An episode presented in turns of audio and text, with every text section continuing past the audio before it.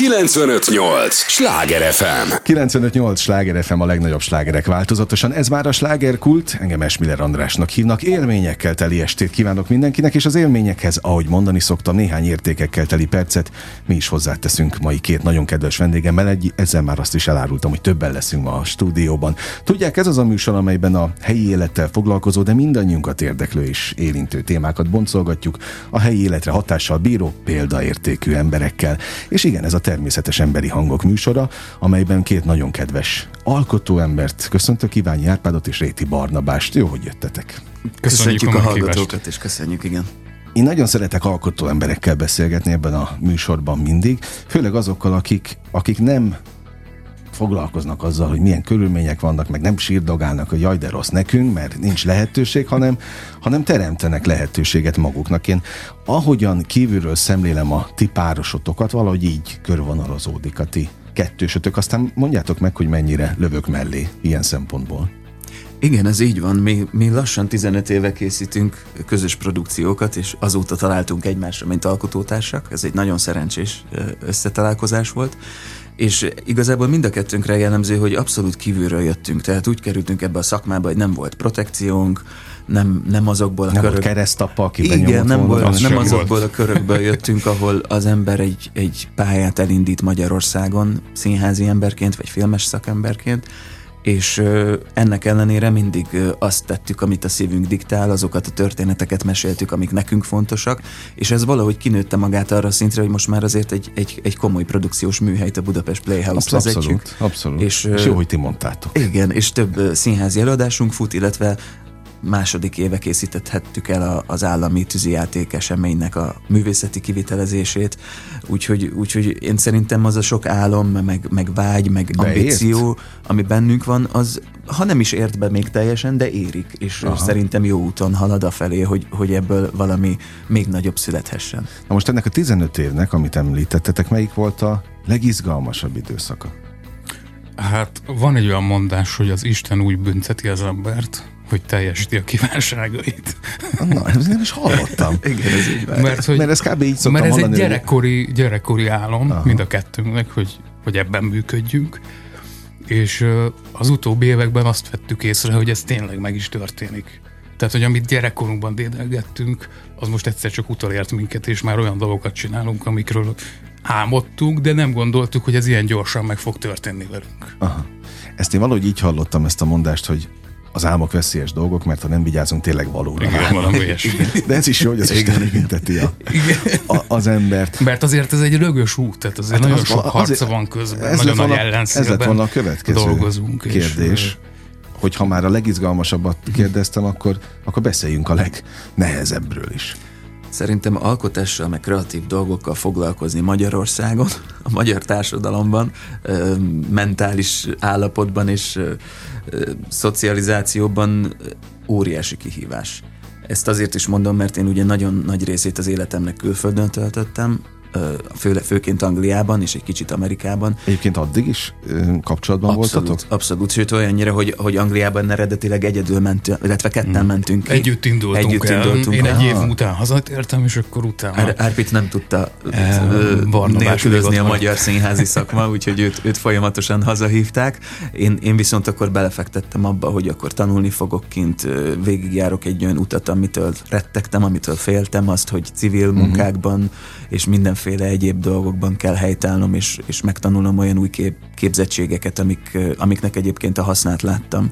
Ez egy óriási kilépés volt nekem a komfortzónámból, akkor azért mégis a sikereim csúcsán mondhatni, vagy legalábbis nagyon ismert színészként távoztam Magyarországról. Hogyne, hogyne. És ennek a lélektanáról már egyszer beszélgettünk igen, igen, itt ebben a műsorban. Ezért örülök, hogy most ketten jöttetek, a két, két alkotótárs, tudok most beszélgetni. És ugye az apropót is mondjuk el, ami miatt most tulajdonképpen beszélgettünk. Ennek van egy jó része, meg van egy, egy kevés, egy szomorúbb apropója is.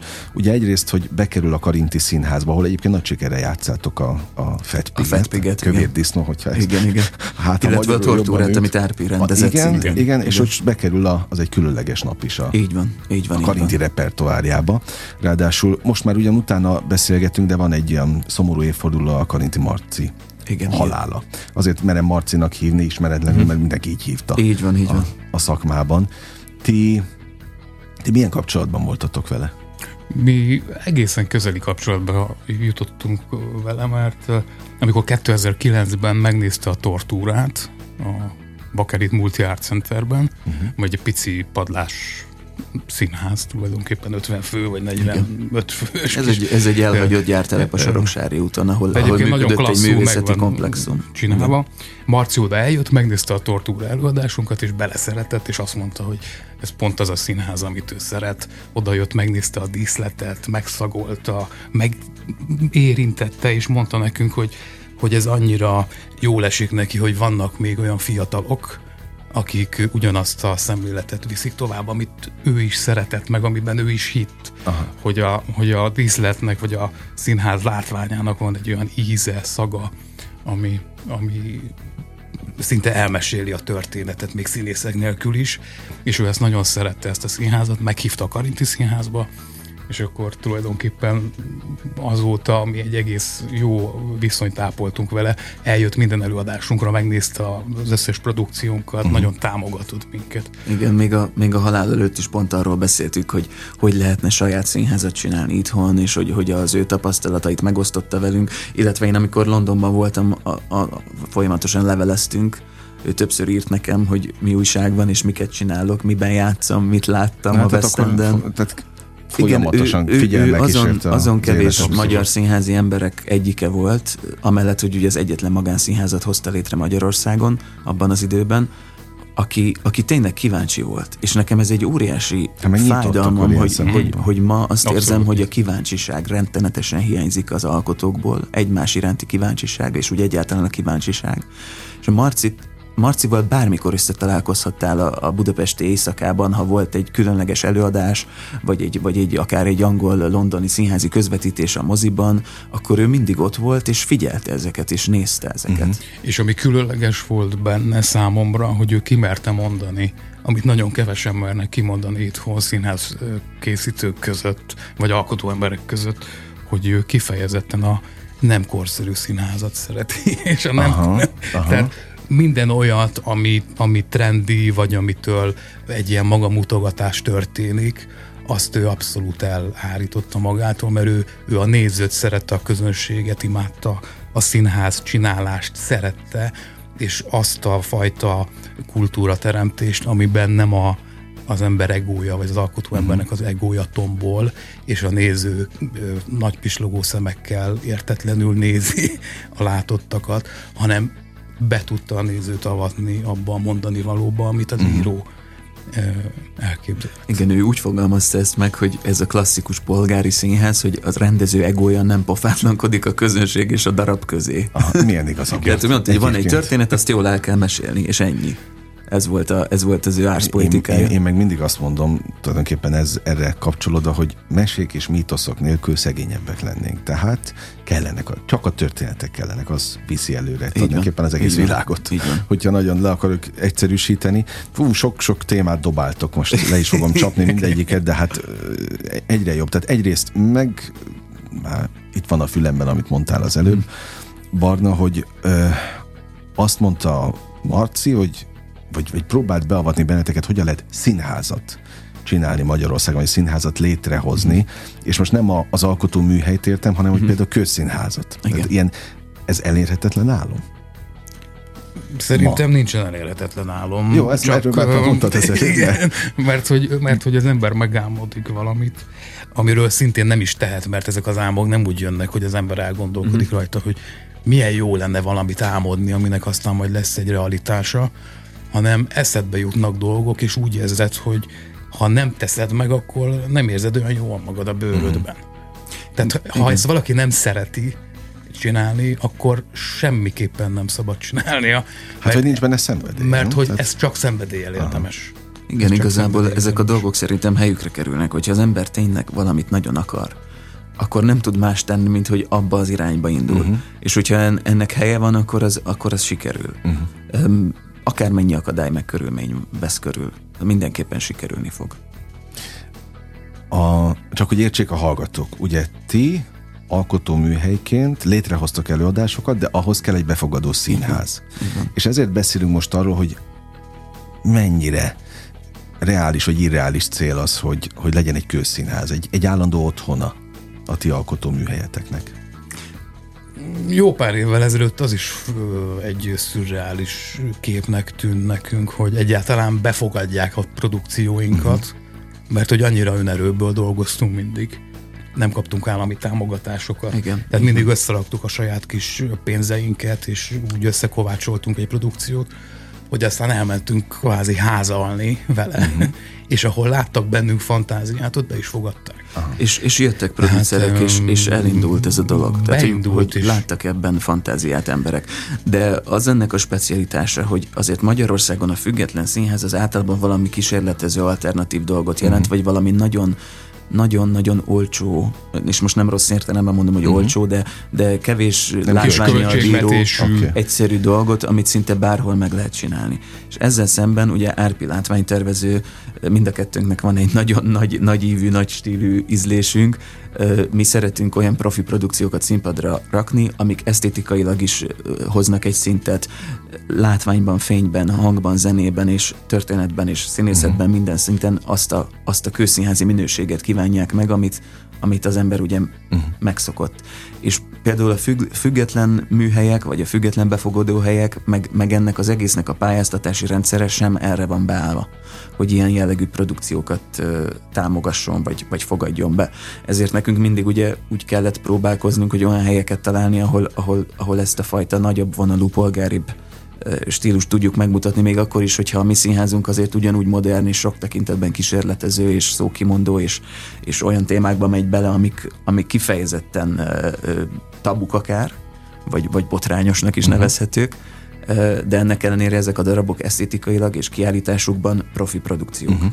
Jó, ez fontos volt elmondani, hogy értsék a hallgatók, hogy egyáltalán mi a, a, a missziónak a, talán legfontosabb elemei. 95-8 sláger FM a legnagyobb slágerek változatosan, ez továbbra is a slágerkult, amelyben Iványi Árpáddal és Réti Barnabással beszélgetünk. Olyan egyébként nagyon mondhatom, hogy felkapott produkciók fűződnek a neveitekhez, azt már említettük a tortúrát, említettük a, a Fedpiget, és egyébként a különleges nap is ilyen, amelyet amelyet most dobokatával. dobokatával fogunk bemutatni november 24-én. De hát ez már be lehet mutatva, csak Így nem van. mondta Karintiban. Így van, ezt, ezt a darabot 2018 óta játszuk a hat színteátrumban, illetve vidéki helyszíneken, de ugye jött egy pandémia, jöttek uh-huh. mindenhol vezetőváltások, jött egy, jött egy nehéz időszak, amikor ez a dolog ez szünetelt.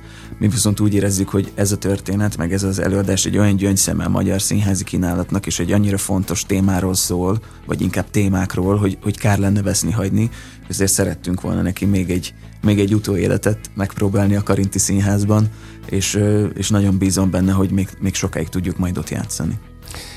Most az fogalmazódott meg bennem kérdésként, hogy ha van egy ilyen, hogy mondtad gyöngyszem, Igen. akkor az a gyöngyszem egy adott színházban jobban tud működni, mint máshol, ahol korábban valahogy elműködgetett? Én úgy érzem, hogy mindenképpen, ahol hisznek ugyanabban a, a előadásban, amiben mi, akkor ott már eleve van egy olyan szándék, uh-huh. hogy ez minél jobban menjen, minél több nézőhöz eljuthasson, és, és minél tovább tudjon műsoron maradni.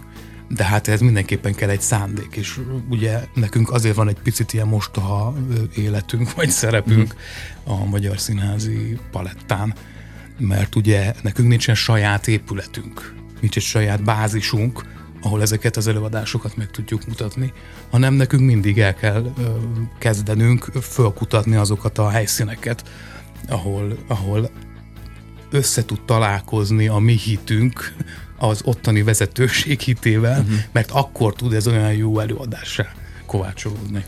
Most Egyébként meg egy nagyon nagy harc. Tehát, hogyha nem találkozunk ezzel a szándékkal, akkor nekünk folyamatosan föl kell ébreszteni Csipke Rózsikát az álmából, uh-huh. hogy ezek a produkciók, ezek jussanak el a közönséghez. Na most Mert pró- ez nekik is jó. Hát absz- absz- Nekünk az is jó. Az biztos. Közönségnek meg a legjobb. Csak azon gondolkodom, most próbálom magam a helyzetetekbe bele uh-huh. képzelni, hogy ti tulajdonképpen úgy működtök ilyenkor, mint két jó szélszes, hogy el kell menni a színházak hát, vezetőihez, és akkor fel kell tenni, az, meg eladni a produkciót. És saját ez a magunkat képviselve uh-huh. öt perc alatt el kell tudnunk mesélni, hogy ez nekik miért, miért lesz, lesz jó. jó. Uh-huh. Mert mi tudjuk, hogy ez jó. Nincs több idő? Nincs, Tehát az első nincs, percben nincs, nincs, nincs felkeltve az érdeklődés már? Én, én azt vettem észre hogy az elmúlt 15-20 év alatt, hogy mindenki folyton rohan. Uh-huh. És, és akkor egyre, egyre van egy rohanok. megbeszélés, akkor jó van, gyertek be fiúk, akkor meséljétek el, hogy mi az ötlet. De látom, hogy már közben mobiltelefonál, meg kirohan, meg kávét főz, meg szóval, hogy olyan zaklatott ellenszélben kell nekünk ezeket a szép dolgokat egyáltalán megmutatni, hogy érdemessé váljon uh-huh. színpadra vinni, hogy ez egyébként minket is fölvértezett arra, hogy egy-két perc alatt el tudjuk hát igen, mondani, hogy ez miért jó. Hát ez tréning is valahol. Ez egy tréning nekünk, meg egy, meg egy feladat. De kerültetek ilyen szempontból méltatlan helyzetekbe is? Hát zömében méltatlan helyzetekbe kerülünk egyébként, tehát én amióta az eszemet tudom, amióta kijöttem, sőt, amióta fölvettek az egyetemre, Igen. azóta méltatlan szerepben, vagy hát nem szerepben, hanem egy közegben vagyok, amit hát egyébként az, a legtöbb kortársam, meg pályatársam egyébként ugyanúgy el tud mesélni, uh-huh. mint én. Tehát, hogy itthon azért, hogyha valaki akar valamit, azért az nem egy nem egy olyan dicséretes dolog. Uh-huh. Persze megveregetik a válladat, hogy, hogy ú, de jó, hogy te ezt megpróbálod, de rögtön hozzáteszik, hogy de azért ne bízd el annyira magad ebben, mert azért nagyon nehéz lesz. Meg, szóval, hogy, hogy eleve van egy olyan táptalaja itthon a kreativitásnak, ami már egy kézifékkel behúzott állapot, uh-huh. és az első feladat, én legalábbis mindig ezt éreztem, hogy ezt a kéziféket jó erővel visszahúzzam, hogy ne legyen behúzva, de amikor az sikerült, akkor végre egy picit pihenhetek, mert azért ez egy elég kemény harc, uh-huh, és amikor ez a kézifék visszaengedett, akkor úgy szépen elindul ez a szekér, és akkor érzem, hogy na most lehet alkotni, viszont ahogy, ahogy maga a produkció elindul egy olyan, vagy elérkezik egy olyan fázisba, hogy már színpadra kerülhet, na akkor jön a következő kézifék, akkor megint jól behúzzák, és akkor megint egy óriási erőfeszítés, hogy meggyőzzük őket arról, hogy higgyék el, szép dolgot fölrakni a színpadra, az egy óriási öröm. Uh-huh. Szép dolgot mutatni a közösségnek, az egy fantasztikus lehetőség. Anyagilag is, mert akkor ez évekig tud menni, meg hát presztis kérdés is. Tehát ha már a más nem az ember hiúságát is tudja egy kicsit legyezgetni, hogy, hogy egy olyan dolgot ő, karol föl, amit aztán ő büszkén vállalhat. Uh-huh. Hát most már értem, hogy miért használtátok az ellenszél Don Quixote szindróma egyébként. Igen, ez a érdekes, hogy erről pont a nem, nemrég beszéltünk. Tehát fölmerül nagyon sokszor különböző alkotói körökben, hogy miért van az, hogy, hogy a magyar ember annyira fél a sikertől, meg annyira szabotálja még akár a saját sikerét is. Hogy, hogy, hogy mi ennek a pszichológiája, miért, miért nevelkedünk mi úgy, hogy, hogy, hogy jaj, ez ciki, hogyha sikeres vagy, akkor azért elnézést kell kérned, hogy olyan az embert megdicsérik, akkor, ami ugye itthon ritka, de ha megdicsérik, akkor azt olyan pironkodva fogadja el. Az én természetem sosem volt ilyen, mondjuk én sosem éreztem magam mondjuk beképzeltnek vagy önteltnek, de fontosnak tartottam, hogy megünnepeljem a saját sikereimet, vagy, vagy, vagy megéljem őket, és, és már az iskolában azt kaptam vissza, hogy, hogy, hogy, hogy nem, hogy, hogy szenvedni kell, és hogy ez egy beképzeltség, és hogy, hogy, hogy, hogy, hogy, hogy ilyet nem lehet, hogy ez ilyen amerikai dolgok, hogy, hogy ez, ez, hogy ezt mi nem így szoktuk, ezt nem így szoktuk, ezt sokat halljuk. Én, én azt sem nagyon értettem soha, hogy miért mondják mindig, hogy küzdeni, harcolni kell az álmaidért, de hát és akkor belegondoltam, hogy de hát ezek a legnegatívabb szavak, nem? Hát Küzdés, abszolút. harc, hát ez miért meg nem kell. játszva? Igen, meg a kell. A kell, a kell egy, egy rettentő ellenszembes Na Igen, most hogy az ember, az ember nem tud más csinálni, mint ami a természete. Tehát, hogy amit mondtam az elején is, hogy ha neked ez fontos, akkor csak azt tudod csinálni, hogy lépéseket teszel ezzel ellen, és egyébként most visszakanyarodnék a produkcióra, az egy különleges nap pontosan erről szól. Két olyan figura van a középpontjában, akikre az egész világ nemet mond, az elutasítás legszörnyűbb ö, élményét élik meg, és ennek ellenére mégis hisznek magukban annyira, hogy el tudnak kezdeni hinni egymásban is, és ebből egy csoda történik ezért is éreztem fontosnak, hogy ezt a darabot bemutassuk, leszámítva azt, hogy milyen történelmi közegben, meg milyen politikai közegben játszódik, meg milyen, uh-huh. milyen egyéb, egyéb társadalmi hatások vagy, vagy jelenségek jelennek meg benne, de alapvetően maga a lelki mondani valója, az emberi mondani valója, ez, hogyha az ember kinyitja a szívét, hogyha, hogyha nyitott tud maradni, annak ellenére is, hogy ezer kés döfnek belé, hogy akkor mégis egyszerűen át tudja írni a valóságot. Ez a két ember ez teljesen megváltozik. Egy, egy, egy, egy, egy, egy, egy ö, olyan, olyan állapotba kerülnek, amiben semmit nem számít az, amit ők magukról gondoltak korábban. Vagy amiknek magukat hitték. Uh-huh és ez egy fantasztikus csoda, és ezt szerintem nagyon sok mindenkinek látnia kell. Na, hát kedves hallgatóink, akkor nem önfejlesztő tréningekre kell járni, nem könyveket kell olvasni ebben a témában, tessenek elmenni a színházba megnézni az egy különleges napot. Egyébként, ahogy én próbáltam most készülni belőletek a, a, a találkozásunk okán, mhm. azt láttam, hogy szinte majdnem minden alkotásotokban, produkciótokban ez azért benne van. Az a fajta kapaszkodó amit, amit talán a legtöbb ember keres. Igen, mert mi olyan történetekben hiszünk, ami pont arról szól, hogy van az embernek egy választása, uh-huh. hogy sodródik a társadalommal, meg az elvárásokkal, uh-huh. meg a mm, külsőségekkel, meg a megfeleléssel. Meg van egy másik választása, hogy a saját hite, a saját vágya, saját világképe szerint igyekszik élni. Pontosabban, hát ez is egy olyan fura dolog ez az igyekezet, mert, mert ez úgy magától jön. Tehát amikor elindul egy napod, akkor folyamatosan szembe találkozol döntéshelyzetekkel, és mindig lehet érezni, hogy melyik az a döntés, ami a te valóságodnak megfelelő. Uh-huh.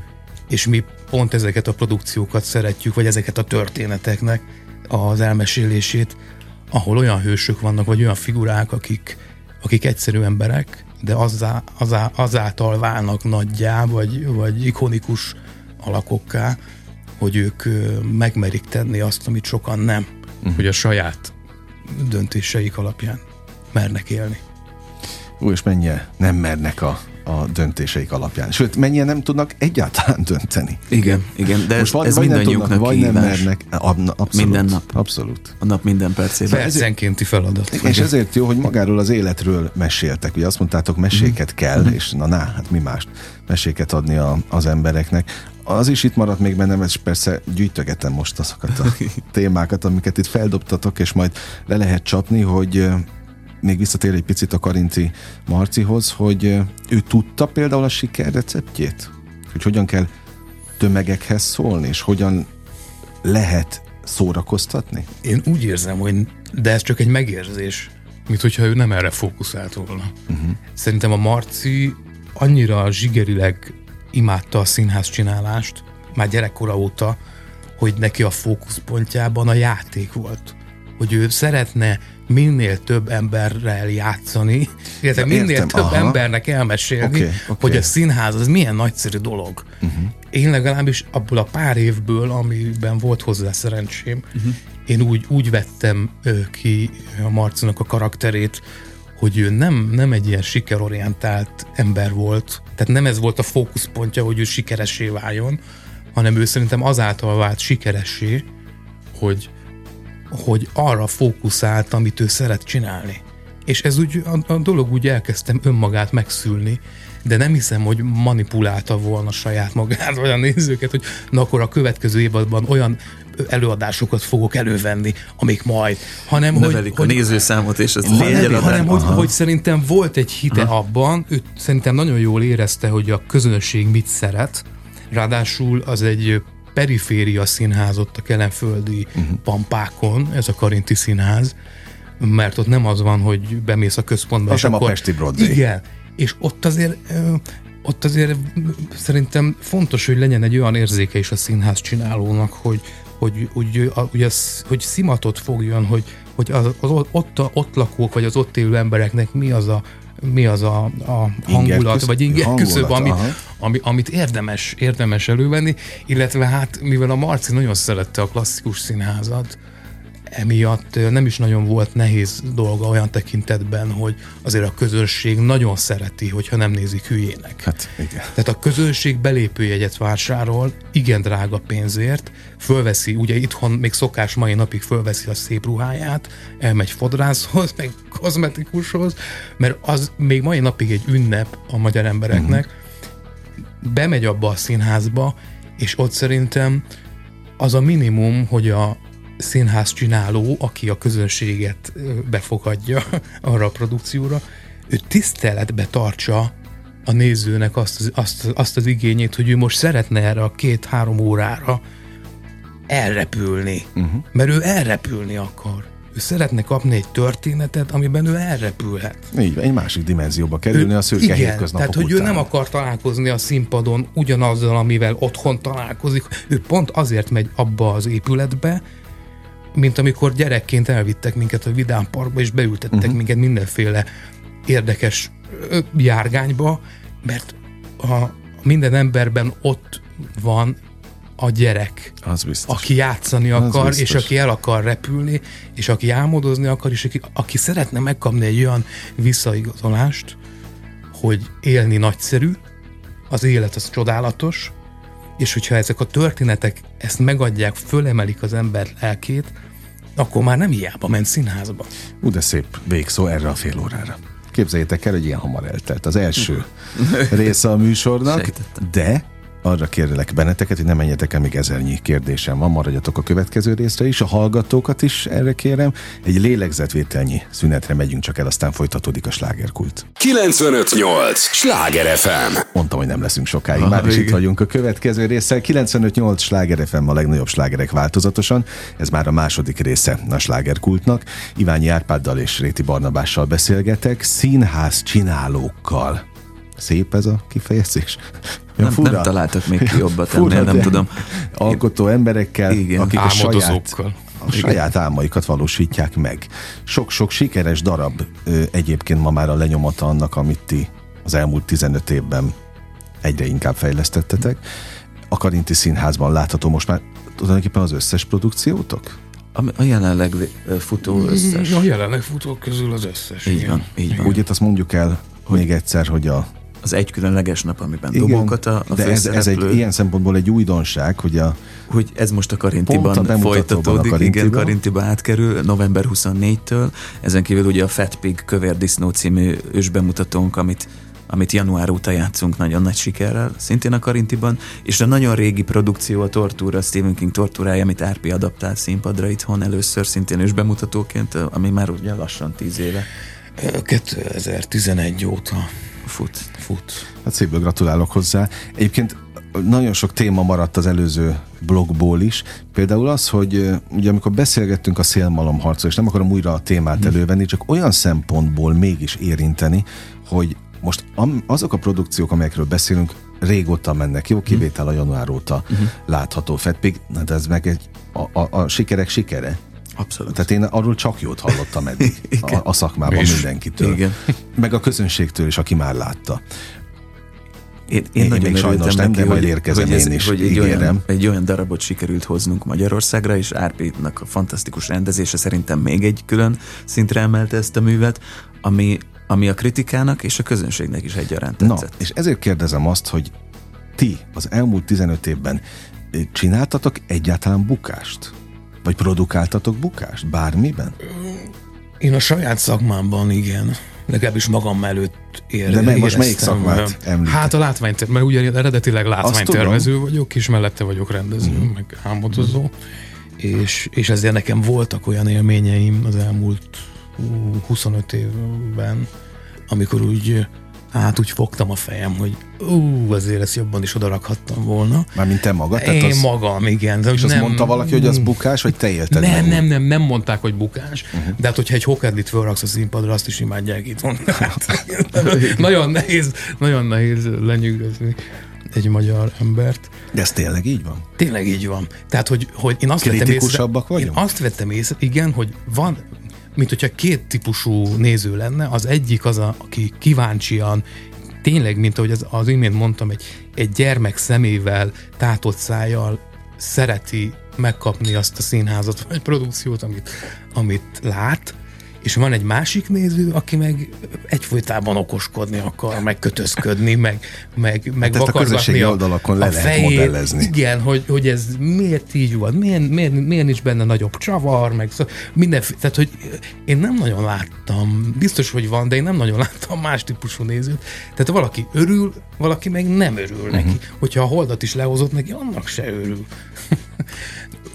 de, de én Barnának is mindig szoktam mondani, hogy hogy ez nekünk nem adhat okot arra, hogy miértől mi elkeseredjünk, mert ott van az a másik nagyon combos réteg, aki viszont együtt tud lélegezni uh-huh. ugyanezzel a, ezzel a világgal, amit mi, amit mi színpadra viszünk, és azért az egy elég combos uh-huh masszív közönség. Hát ugye a Fetpig is telt házzal megy, tehát nagyon szeretik. Azért kérdeztem, amit kérdeztem, hogy ha nektek mindig bizonyítani kell, de, de miért kell bizonyítani, mikor már itt vannak a bizonyítékok? Tehát, hogy ezek a sikerek nem egyértelmű ajánlólevelek? Én, én azt látom, hogy ahogy itthon működik ez a szakma, és ezt nagyon sok, nálam sokkal ismertebb, tapasztaltabb és, és validáltabb kolléga már mondta, hogy, hogy itthon valahogy nincs következménye annak, amit csinál az ember. A sikernek sem. Mm, nincs, hm. nincs. Ö, itthon bizonyos körökhöz kell tartozni, vagy bizonyos barátokhoz kell tartozni, és akkor úgy meg van ágyazva. Ez mindig így volt, és most független attól, hogy milyen politikai uh-huh. rendszerben vagyunk, vagy milyen, ez, ez valahogy mindig így volt.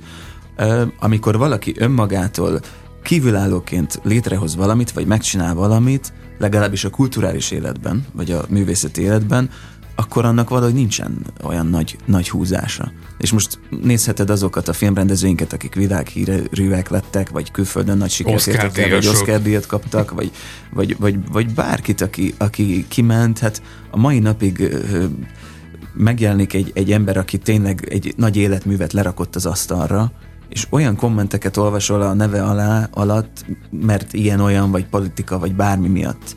Hogy, hogy egyszerűen méltatlan. Igen, ennek a vélemény buboréknak a jelenségéről Igen. már néhányszor beszélgettem itt vendégekkel, de muszáj valamit szóba hoznom, és csak azért, hogy ne nézzenek hülyének a, a, uh-huh. se a szakma, se a hallgatók, uh-huh. hogy nem kérdezek róla. Tehát most itt, itt beszélünk a, a, az ellenszénről, de közben meg ugye ti és tényleg nem politika. Tehát uh-huh. itt ebben a műsorban nem uh-huh. is politizálnék soha. Egyébként se, de amúgy itt, itt meg pláne nem. Szóval az, hogy ti ott vagytok a tűzi játékban most a második igen. éve? Igen. Ezért is kaptok egyébként. Hát valamennyit, igen. Igen. Igen, Na, de hogy igen. ez például az, az nem egy jó ajánló levél, most szintén kérdezem, hogy ha oldalakhoz kell tartozni. Nem tapasztaltuk um, eddig. Igen, tehát, tehát hogy az, az a fura, hogy, hogy én se vettem azt észre, hogy, hogy különösebben ö, többször megcsörren a telefonom. Na, azért jó, hogy de, ezt mondjátok. De érdekes, hogy akkor... azt sem tapasztaltam, csak olyan nagyon-nagyon kicsiben, hogy mondjuk olyan nagyon nagy támadást kaptunk volna. Aha. De azért kaptunk hideget, meleget, tehát Persze. meg volt mind a kettő. Azért zömében egy nagyon elismerő hangvételű cunamival uh-huh. találkoztunk ugye az elmúlt pár évben, épp a tűzijáték kapcsán, és hogy azért nagyon sokakat ez megfogott és megérintett. És ezért nekem, számomra, vagy számunkra, mondhatom akár több számba is, hogy nekünk azért az a legnagyobb öröm, hogyha az, amit mi kreálunk, vagy amit létrehozunk, azért az nem, nem maradott a szoba magányában, hogy, hanem azért minél több Igen. emberhez eljut, és minél több ember örömöt talál benne. De azt én nem tapasztaltam, megmondom őszintén, hogy, hogy olyan különösebben megváltoztak volna ugye a dolgok. Uh-huh. Azt igen, hogy az amióta bennem megváltoztak dolgok, Azóta viszont valóban, mint hogyha sokkal több lehetőség jönne, sokkal könnyebben jutok hozzá olyan, olyan feladatokhoz, amik már nagyobb szabásúak, vagy, vagy, vagy több örömöt okoznak számomra. Tehát, hogy a fejemben rend lett. Aha, jó, okay. Valahogy én úgy veszem észre, hogyha az emberben belül elkezd kialakulni egy rendszer, vagy egy rend, és már nem annyira teper azért, hogy ő valami vagy valaki legyen, hmm. akkor mint hogyha úgy könnyedébben jönnének olyan lehetőségek, amikről még gyerekkorában álmodott. Hát most elvihetjük Spiri irányba is ezt a beszélgetést olyasmi, egyébként, olyasmi. De, de én is valahogy így kezdtem hozzá, egyébként igaz, Kikerülhetetlen. Az, az élethez, hogy faék egyszerűséggel. Egyszer rájöttem, hogy semmire nincs rátásunk az életben, ez egy illúzió, hogy mi bármit majd itt a világviszonylatban megváltoztatunk. De arra igenis van ráhatásunk, hogy mi hogy érezzük magunkat. És például amióta én ezzel a faék egyszerűséggel a letolyom művészetével hozzáállok az élethez, a, minden jobban megy. Könnyebben megy. Igen, nem idegeskedem. Uh-huh. Olyan dolgokért sem, amit két-három évvel ezelőtt még nagyon idegeskedtem, és tulajdonképpen semmi nem változott uh-huh. körülöttem, én magam változtam. Uh-huh. És tényleg, és akkor mások is változnak. Ezt abszolút Ez egy óriási szabadság. Én, nekem is volt egy ilyen, egy ilyen változás pont London után. Erről beszélgettünk uh-huh. korábban de azért az ember ezt mindig tanulja.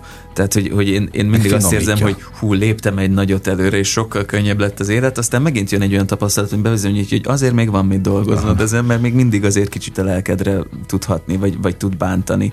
De, de nyilván ez meg természetes. Tehát az ember, mm. embernek az érzései szerintem azért valamilyen szinten mindig számít nekünk, hogy ki mit gondol rólunk, vagy hogy mennyire szeretnek, vagy nem szeretnek, vagy hogy elfogadnak-e, vagy nem fogadnak el.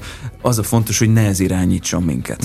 Meg szerintem az nagyon fontos, hogy ha választunk, akkor ne azt válasszuk, hogy hogy akkor is kínozni fogom magam, hogyha nem érem el, amit el akarok Igen. érni, és akkor meggebedek, és akkor mint egy, mint egy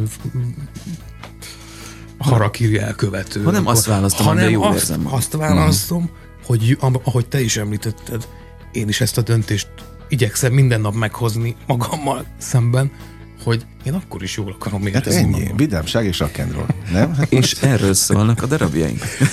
tudom. Sőt, tudom, még a, egyébként tudom. a tűzijáték szövegében is próbáltuk ezt átadni mind a két alkalommal, mert ugye ott is azért a téma, az egy szomorú téma, a magyar történelem az, az egy szomorú, szomorú sztori.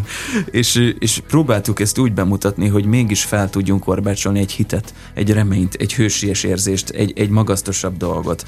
És, és itt tényleg egy hadat kellett üzennünk annak a fajta nihilizmusnak, amit, amit a, a média, a politika, a, a magyar társadalom képvisel, és nagyon sokan magukével is tették, és talán ezért volt egy picit néha ilyen bicskanyitogató egyes emberek számára az, hogy, hogy, hogy szép dolgokat merünk mutatni, vagy szép dolgokról merünk beszélni, amikor ilyen borzasztó világban élünk, mert, mert az élet azért mégis szép, meg, a, uh-huh. meg az emberi létezés az egy ünneplendő szép dolog, és ezt nem szabad elfelejtenünk, és, és pont, hogyha a remény és ennek a, ennek a tudata megmarad bennünk, akkor nem lesz olyan borzalmas a világ, mint ami ennek megéljük. Uh-huh azért szerintem sokkal több az egyéni felelősség, mint a körülmények hibáztatása. Abszolút, abszolút. Hát csak ezt ugye nehezen látja be az ember. Valami igen, miatt. Igen, így van. De nyilván benne van az, amiről így most van. meséltél. 95-8 sláger FM a legnagyobb slágerek változatosan, ez továbbra is a slágerkult. Szép dolgokról beszélgetünk, színház csinálásról és alkotási folyamatokról beszélgettünk, beszélgetünk is, természetesen a folytatásban is Iványi Árpáddal és Réti Barnabással, és ha már munkafolyamatot említettem, akkor kérdezem a rendező urat is egyébként, hogy, hogy a munka folyamat az ilyenkor hogy zajlik? Tehát például egy rendező minden alkotását rendező szemmel figyeli? Jó, de nehéz ez a kérdés, mert, mert hogy nem tudok rá okos mondatokat mondani meg olyan megszokottul elfogadott mondatokat, de, de, de, de, hogy, hogy hát igen, akkor leülök, hogy... és akkor tanulmányozom. Mert hogy nincs, nincs ilyen, hanem, én, hanem én elolvasok, egy, elolvasok egy darabot, és egyáltalán akkor megfog engem, vagy nem fog meg. Várja, bocsánat, Látok-e azt benne valamit, vagy nem én, látok? Én, én a bocsáss meg, és csak hogy, igen, hogy azért szeretném egy kicsit fényezni az árpit, mint én, mint külső szem, ahogy én látom az mm. ő mhm. munkáját, hogy nekem miért élmény vele dolgozni, és miért vele dolgozom ilyen régóta. Mert ő azon kevés emberek egyikem a, a szakmában, aki nem agyal, nem, nem azon gondolkozik, hogy a művészi egóm, vagy a, vagy a kritika, vagy a különböző esztétikai irányelvek szerint én ezt hogy fogom színpadra tenni, hanem egyszerűen, mint a gyerekek, egy történetmesélő. Belefeledkezik, és van egy álma, van egy víziója, és ő azt végigviszi úgy, ahogy a kisgyerek, amikor elkezd játszani. És szerintem csak ebből születhet igazi nagy dolog. Ugyanezt szerette volna elmondani, csak ah, Barra már sokkal ügyesebben ezt meg tudja fogalmazni, mert egyébként és, valóban így van, És hogy, megvan hozzá az a hogy, tehetsége, meg szakmai tudása, ami tudat alatt ezt bekapcsolja és elindítja, és olyan szintre teszi ezt az egészet esztétikailag, meg minden Nekem ez egy játszótér. szerint, olyan, mint egy játszótér, és, és folyamatosan érzem azt a... Tehát, hogyha megfog egy produkció, és ahogy a Barney elmondta az előbb, mint egy gyermeki hévvel, én belevetem magam abba a sztoriba, és együtt, együtt sodródom magával a történettel, uh-huh. és akkor a történet súg nekem olyan ötleteket, amiket én aztán így ki is mondok a színészeknek, meg ugye az egész folyamat alatt képviselem, hogy akkor ide kellene egy ilyen hangzás, oda kellene egy ilyen zene, oda egy szín, oda egy... Uh-huh. Tehát, hogy, hogy annyira intenzíven megjelennek a képek, meg maga a történet úgy megmutatja magát előttem. Nem tudom, hogy hogy. De megmutatja. De magát. megmutatja, hogy aztán én csak mint egy ilyen, egy ilyen lelkes és, és engedelmes gyermek, én ezeket végrehajtom, és uh-huh. én meg, megkérem, hogy a színészek tegyék meg, hogy, hogy, ez, hogy ez higgyenek benne, hogy ez nagyon jó lesz. És na, de figyelek, figyelek. Igen, csak nem, nem, azt akartam hogy az a különlegessége ennek, ami szokatlan talán itthon, amit észrevesz sokszor a néző, meg amikor hallgattunk bizonyos embereket ugye reagálni a mi a műveinkre, és mondják, hogy ez olyan szokatlan, meg ez olyan külföldi, meg ez olyan... És? Hogy, hogy, nem minden külföldi? Hogy az Árpédnak a rendezése az úgy működik, mint egy filmrendezőnek a víziója. Tehát, uh-huh. hogy ő nagyon erősen képekben látja, és teljes egészében ő egy sót képzel el. És teljesen mindegy, hogy ez nem egy revű, hanem egy, egy szomorú drámai történet, történet, vagy egy Bergman darab, vagy egy Camus darab, de az egész egy termék, egy kész show, aminek van egy színe, szaga, formája, külleme, tempója, irányai, és ennek a shownak mindig úgy kell megtörténnie a színpadon. Tehát ez az a fajta színház uh-huh. csinálás, amit a Broadway meg a West Enden lát az ember, és itthon talán nem annyira és ebbe ugyanúgy belefér a kísérletezés, meg a, a, a művészi kreativitás, meg az ötletek behozása, és ugyanúgy egy színész ebben részt vesz nagyon hálásan egyébként, hálás feladatokkal, de mégis ö, úgy tekintünk ezekre az előadásokra, hogy ez egy komplet show. Amikor a Fat Pig lemegy, vagy az egy különleges nap, vagy bármelyik lemegy, akkor, akkor ott egy olyan élményt, egy olyan kész terméket rakunk a néző elé, ami tökéletesre van főzve és nem, és nem ilyen billeg ide-oda, hogy na most ma így sikerült, holnap úgy fog sikerülni, és ehhez a magyar színházi apparátust mondjuk hozzáállítani nehéz, mert, mert nincsenek ehhez hozzászokva. De Tehát, milyen így... szépen megtanultátok azt az öt perces speech-et ott a, a, a, a döntéshozóknál, mert nagyon, nagyon jól összefoglaltátok De, de tényleg ez a különlegessége, és, és ez csak egy nagyon picit érezhető, de mégis én úgy érzem, hogy a közönség megérzi, és szokott erre reagálni. Uh-huh. No, válaszoltatok tulajdonképpen olyan kérdésekre, amiket feltettem volna, de az eredeti kérdés nem erre vonatkozott, hanem arra, hogyha zajlanak az előadások, ott vagy rendezőként, akkor te rendezőfejjel nézed az aktuális futó előadást, akár hányadik előadásról van szó? Hát inkább ilyen kötözködő nézőszem nézem. Tehát úgy nézem, hogy, hogy kákán is csomót keresek. De tényleg? Így néz ki kívülről. Egyébként nem. Tehát úgy ülök be, mint egy öt éves gyerek, kíváncsian, az újdonság erejére nyitottan, el is vonatkoztatok attól, hogy nekem ehhez bármi közöm van, Lehet. nem érdekel, hogy közöm van hozzá. Aha. Egy dolog érdekel, hogy sikerül-e a függöny kinyílásától a függöny bezáródásáig megkapnom azt, amit megálmodtunk közösen, vagy megálmodtam, vagy sem. És akkor rögtön kiütköznek azok a hibák, amikből látom, hogy mi az, ami nem jó, meg azt is látom, hogy mik az erősségei, meg azt is látom, hogy mi az, amit érdemes még csiszolni rajta, mert még kicsit bugdácsol. Szóval úgy, úgy megmutatja magát az előadás, minden előadás alatt. De nem, nem úgy ülök be, mint egy rendező, hogy vakargatom a fejem.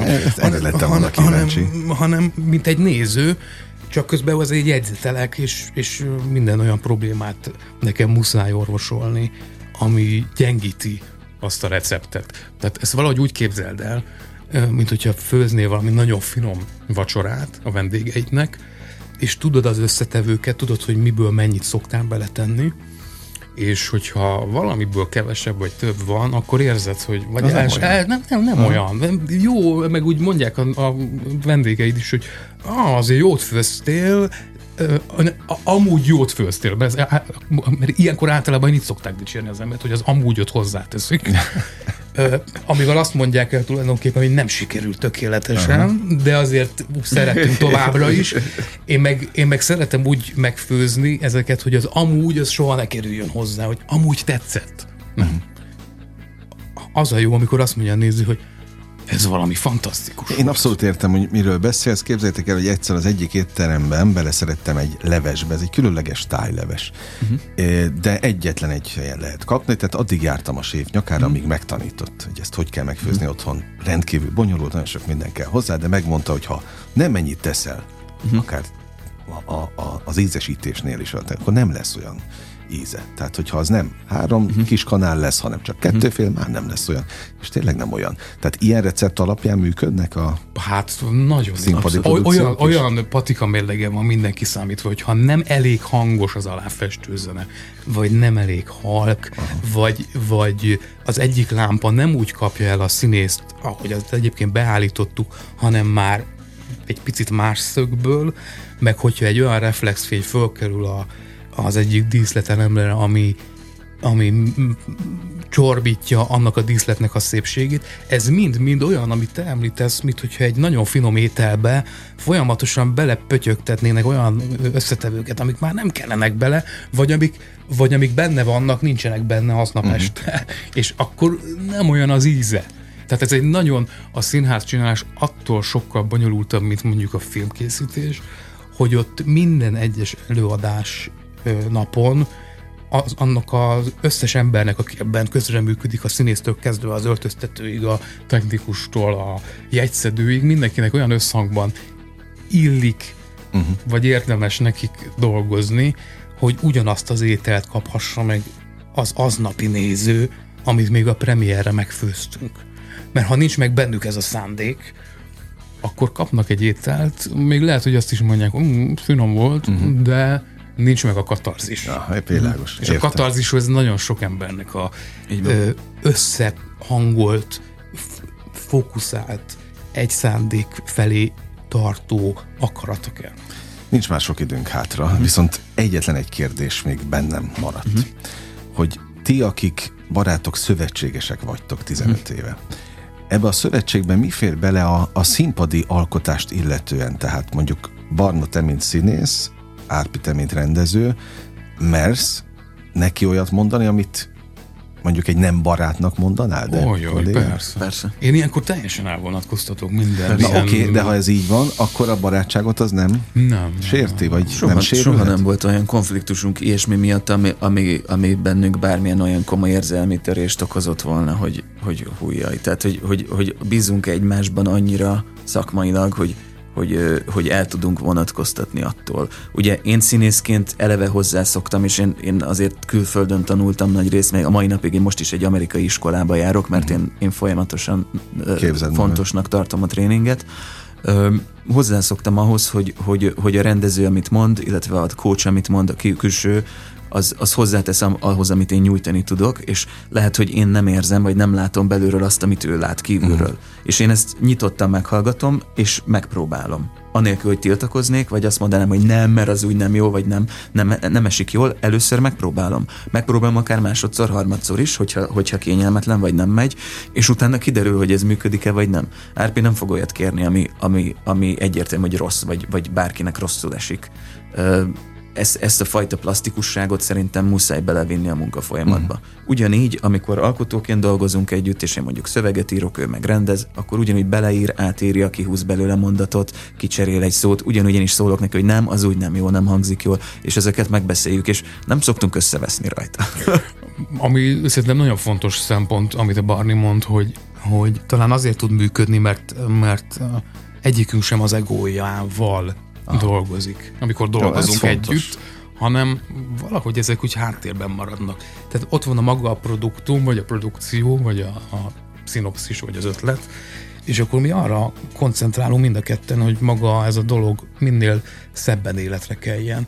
És szerintem ezért nincsenek ilyen ego arcok közöttünk, mert nem, nem, ez a, nem, nem ez a kérdés nekünk, hanem az a kérdés, hogy, hogy a néző mivel fog tudni a legfinomabb ételhez jutni. Igen. És hogy ott van a bizalom. Ez, ez, ez akkor nehéz egy, egy színésznek szerintem, amikor, amikor azt érzi, hogy, hogy hogy a rendező vagy nem bízik benne, vagy, vagy bántani akarja őt. Uh-huh. Mert akkor nyilván színészként az embernek, a kreativitásának a kulcsa az, hogy igent mond mindenre.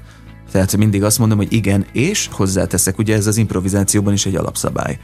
Ez akkor van ezzel probléma, ha mondjuk olyan munkafolyamatban vagy, vagy olyan rendezővel dolgozol, akinek azt érzed, hogy vagy nem tudja, mit akar, vagy tényleg a saját egóját rakja előtérbe, és csak azért akarja, hogy te letold a gatyádat, vagy bármit csináljál, ami kellemetlen, mert, mert az neki jól esik, hogy most felettet uh-huh. hatalmat gyakorol. Tehát ilyenkor nemet mond az ember nyilván. De ha azt látod, hogy, hogy együtt mesélünk el egy történetet, és egy irányba kormányzunk egy hajót, akkor akkor az ember akkor... csinálja a dolgát, vagy legalábbis esélyt ad annak, hogy ez megtörténjen. Nagyon élveztem a beszélgetést, ezt őszintén mondom, gyertek gyakrabban, mert még sok-sok kérdés maradt, és ne csak ti, hanem a, a nézők a Karinti Színházban. Tehát még egyszer vegyük át Tortúra, Fetpig, és most a az egy különleges nap. bemutatóval, a különleges nap november 24-től. Iványi Árpáddal és Réti Barnavással beszélgettem. Nagyon szépen köszönöm. Köszönöm az időtöket, és természetesen a hallgatók idejét is nagyon köszönöm adják nekünk holnap is ezt a bizalmat, mert hogy a slágerkult kapuja már bezárul, de holnap ugyanitt természetesen ugyanúgy ugyanebben az időpontban kinyitjuk. Élményekkel és értékekkel teli perceket, órákat kívánok mindenkinek. Engem Esmiller Andrásnak hívnak, vigyázzanak magukra. Köszönjük. 958! Sláger FM!